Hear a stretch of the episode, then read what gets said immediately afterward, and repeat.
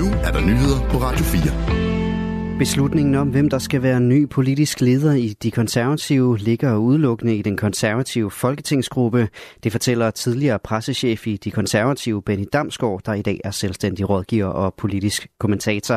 Han peger på Mona Jul som den oplagte overtager. Det kommer jo lidt an på, hvordan øh, diskussionerne i folketingsgruppen går omkring, hvem der skal være politisk leder.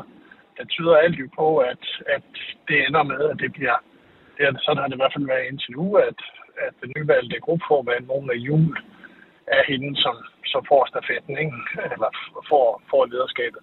Benny Damsgaard understreger, at chokket over partilederens død først skal lægge sig, før der vil blive udpeget en ny politisk leder. Men Folketingsgruppen kan ikke vente alt for længe, tilføjer han. Der venter nemlig mange politiske forhandlinger inden sommerferien. Men omstændighederne omkring tabet af partiformanden kan få betydning for muligheden for et kampvalg i partiet, mener Benny Damsgaard. Men i den situation, man er i nu, hvor, hvor Folketingsgruppen og, og partiet jo reelt set er i chok, det tror jeg godt, man kan, kan sige, så tvivler jeg meget på, at der er nogen, der har mod på at vil åbne et, øh, i hvert fald øh, et første stykke tid, har åbnet et, et spil om, hvem der skal være øh, ny formand. Et KFA for de konservative sammenligner nu Søren Pape Poulsen med den tidligere socialdemokratiske statsminister Anker Jørgensen. Knud Erik Kirkegaard har været konservativ arbejdsminister mellem 89 og 93 under Poul Slytter gruppeformand for det konservative Folkeparti og en del af partiets hovedbestyrelse.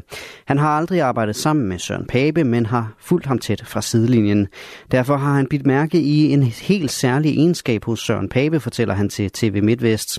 Han snakkede med helt almindelige mennesker på en naturlig og imødekommende måde.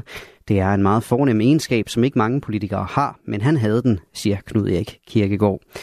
Knud Erik Kirkegaard kan kun komme på en anden politiker med samme egenskab som Søren Pape, nemlig den tidligere socialdemokratiske statsminister Anker Jørgensen. Det er Høje Tostrup borgmester Michael Siler, som bliver fungerende formand for de konservative efter Søren Papes død. Til TV2 fortæller han, at tiden endnu ikke er til at se fremad og træffe beslutninger om, hvad der skal ske med partiets organisation. For der er vi slet ikke. Altså, vi er jo i chok alle sammen, vi sover alle sammen, og, og, og lige nu handler det om, om at bearbejde det og, og, og at få sendt, sendt Søren videre. Selv blev han ringet op fredag på vej hjem fra et møde i partiets forretningsudvalg, hvor Søren Pape også deltog. Her fik han at vide, at partiformanden var faldet om ved det efterfølgende hovedbestyrelsesmøde. Det er helt uvirkeligt, siger Michael Siler. Jamen, først og fremmest er jeg jo, er jo i chok. Altså, øh, ikke så meget, hvad, hvad der kommer til at ligge nu, men, men, men det er jo meget chokerende og specielt når man jo ikke har set det ske, så, øh, men, men bare har det billede af, af den, mit sidste billede af Søren er jo den Søren, som vi, som vi kendte, øh, så det er jo helt, øh, helt uvirkeligt, at, øh, at øh, man kan næsten ikke tro på, at det kan passe, at, at, at, at, at det er sket. Tre personer er blevet varetægtsfængslet efter det knivstikkeri, der fandt sted ved en moské på Dorteavej i Københavns Nordvestkvarter i går. Det oplyser den centrale efterforskningsleder ved Københavns politi, Kenneth Jensen. To drenge på 15 og 17 år er blevet varetægtsfængslet i 10 dage efter et grundlovsforhør. I går blev en 61-årig mand varetægtsfængslet i 11 dage i samme sag. Alle tre er sigtet for drabsforsøg. Efter knivstikkeriet i går blev en 27-årig mand kørt på sygehuset. Han er dog uden for livsfare. Vicepolitiinspektør Lasse Mikkelsen har oplyst, at de har god grund til at tro, at hændelserne, hændelsen havde relation til selve moskeen. 36 mennesker er døde og 50 er såret i Pakistan som følge af kraftig regn. Det oplyser myndighederne ifølge ABC News. Regnen har ifølge myndighederne ødelagt over 700 huse og udløst jordskred, der blokerer veje. Særligt den nordvestlige del af landet er hårdt ramt.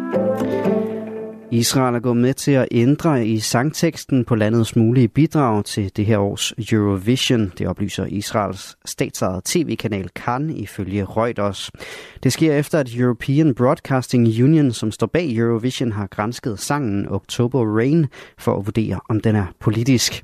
Teksten til sangen er blevet lækket til medierne og senere bekræftet af Karen, altså den stats, øh, Israels statsejede tv-kanal. Ifølge Reuters kan flere linjer henvise til Hamas' angreb på Israel den 7. oktober. Skyet vejr med dis og stedvis lidt regn. I nat risiko for togbanker og temperaturer ned mellem 3 og 5 grader. Det var nyhederne her på Radio 4 med Asbjørn Møller i studiet.